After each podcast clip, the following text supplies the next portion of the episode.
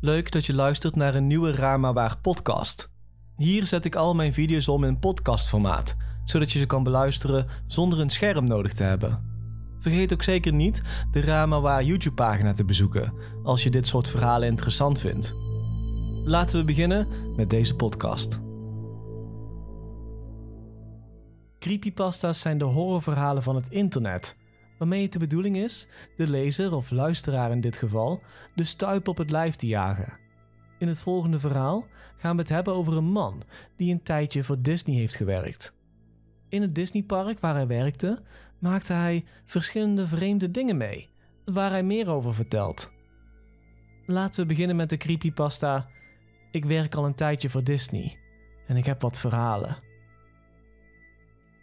Wist je dat er een tweede Disneyland onder het echte park verstopt zit?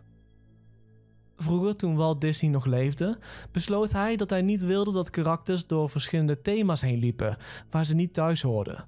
Zo mocht Mickey bijvoorbeeld alleen bij het kasteel en bij de hoofdstraat zijn, en niet in de buurt van Frontierland, wat meer Middenwesten gethematiseerd was. Hij zei dat het de magie zou breken. Zo gezegd, zo gedaan, liet hij een geheel ondergronds complex bouwen, recht onder het magische park. Iedere straat en attractie was exact gespiegeld en zo gemaakt dat de mensen in de kostuums, zonder dat de bezoekers het wisten, zich onder door het park konden verplaatsen. Disney doet erg hard zijn best om dit ondergrondse complex te verbergen. En hier is nog een leuk feitje. Elke performer moet in alle tijden in zijn rol zijn als er gasten in de buurt zijn, inclusief de schoonmakers. En dat is waar ik in beeld kom.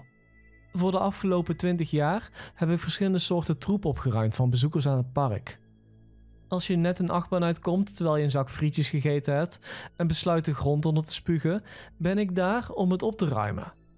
Het is mijn baan om elk beetje afval met chirurgische precisie op te ruimen. Het is een stuk makkelijker dan je denkt, aangezien dat iedereen in het park al vanaf binnenkomst in de gaten wordt gehouden.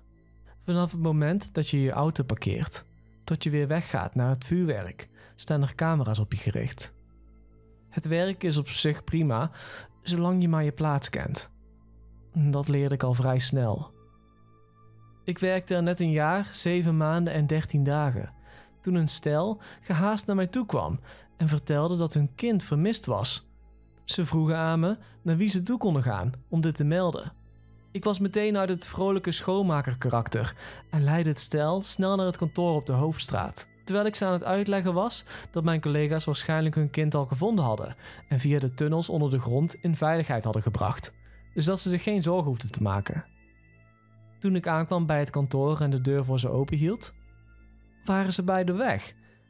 Ik zocht furieus naar ze, toen ineens de hoofdbeveiliger naar me toe kwam, met een chagrijnig gezicht. Ik kon er misschien net drie woorden uitkrijgen toen hij me onderbrak.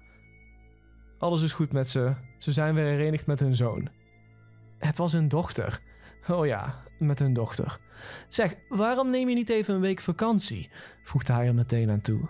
Een week betaalde vakantie in Orlando zal je vast wat goed doen. Wist je dat mensen die bij Disney werken recht hebben op reiskostenvergoeding en gratis kaartjes voor alle Disneyparken? Maar het kan ook langer zijn dan een week, gromde hij, alsof het de laatste woorden waren die ik zou gaan horen. Ik nam de vliegtickets aan, maar in plaats van naar het Disneypark te gaan, besloot ik naar het strand te gaan en probeerde de vreemde ontmoeting te vergeten. De daaropvolgende jaren deed ik wat er van me gevraagd werd. Ik ruimde dingen op en ik stelde nooit vragen. Zo vroeg ik niet waarom het park s'nachts meer stroom verbruikte dan overdag, wanneer het park daadwerkelijk open was. En waarom er s'avonds nog door sommige stafleden enorm veel eten gekookt werd, ondanks dat niemand daar ooit iets van te zien kreeg. Of waarom er een vreemde gele deur onder een van de attracties zat, wat niemand ooit in mocht komen. Niemand stelde ooit de vraag wat er gebeurde met de bezoekers die hun kinderen kwijtraakten. Het is opgelost, kreeg je dan altijd te horen.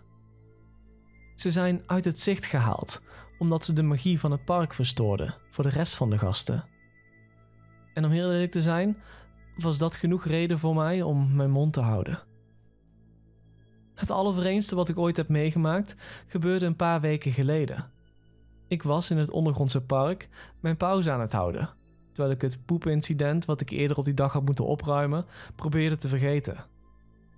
Een man in een Mickey Mouse pak kwam de rustplek binnen, keek naar me en ging op de bank recht tegenover me zitten.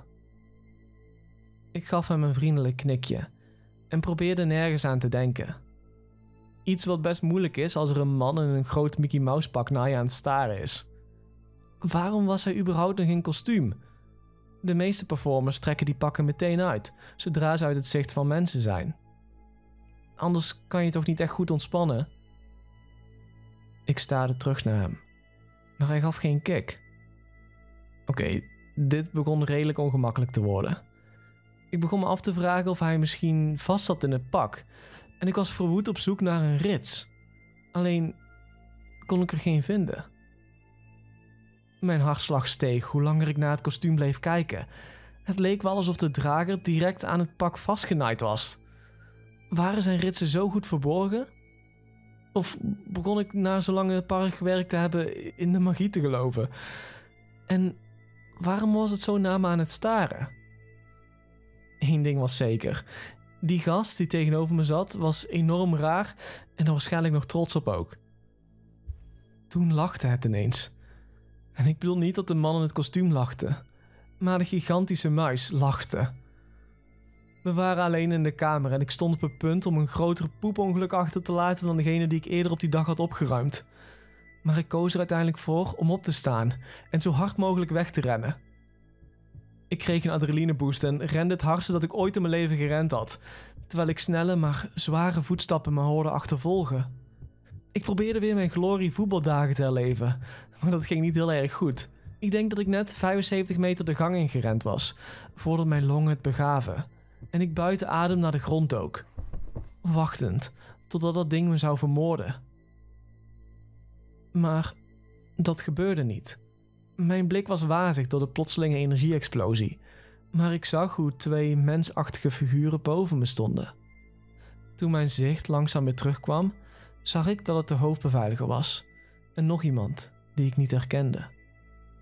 Nou, schreeuwde de hoofd van de bewaking, terwijl zijn hoofd rood aanliep. Wat dacht je van nog een keer een alles betaalde vakantie in Orlando, hm? Ik ben weer in Orlando nu.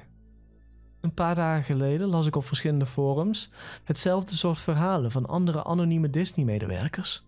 Ik kan het niet langer voor mezelf goed praten om stil te zijn over datgene wat zich onder het park bevindt. En het valt me op dat de groep mensen met wie ik op tour was, bijna allemaal bij Disney werkte of een of andere connectie met het park hadden. Het leek er bijna op alsof we bewust allemaal bij elkaar waren gezet. Het was een erg vreemde situatie. Dus deed ik datgene wat ik al van kinds af aan had meegekregen. Ik distancieerde mezelf van de hele situatie. Dat was altijd de makkelijkste manier om problemen te ontlopen. Ik kwam niet opdagen toen iedereen op rondreis ging door de bergen.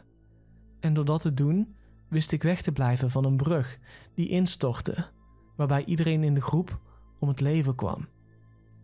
Ik ben de enige die is overgebleven en mijn verhaal kan vertellen. En dit verhaal zou eindigen met mijn boodschap aan Disney. Ik ga nooit meer terug naar huis. Jullie zullen me nooit vinden. Disneyland verbergt een duister geheim. En hun grootste kracht is je te laten denken dat de magie niet echt is. Bedankt voor het luisteren naar deze podcast. Heb je zelf ooit eens eens iets meegemaakt? Laat het me dan weten via mijn Twitter of Instagram. Mijn naam daar is Marcello1. Dat is Marcel L-O-W 1. Nogmaals bedankt voor het luisteren en tot de volgende keer.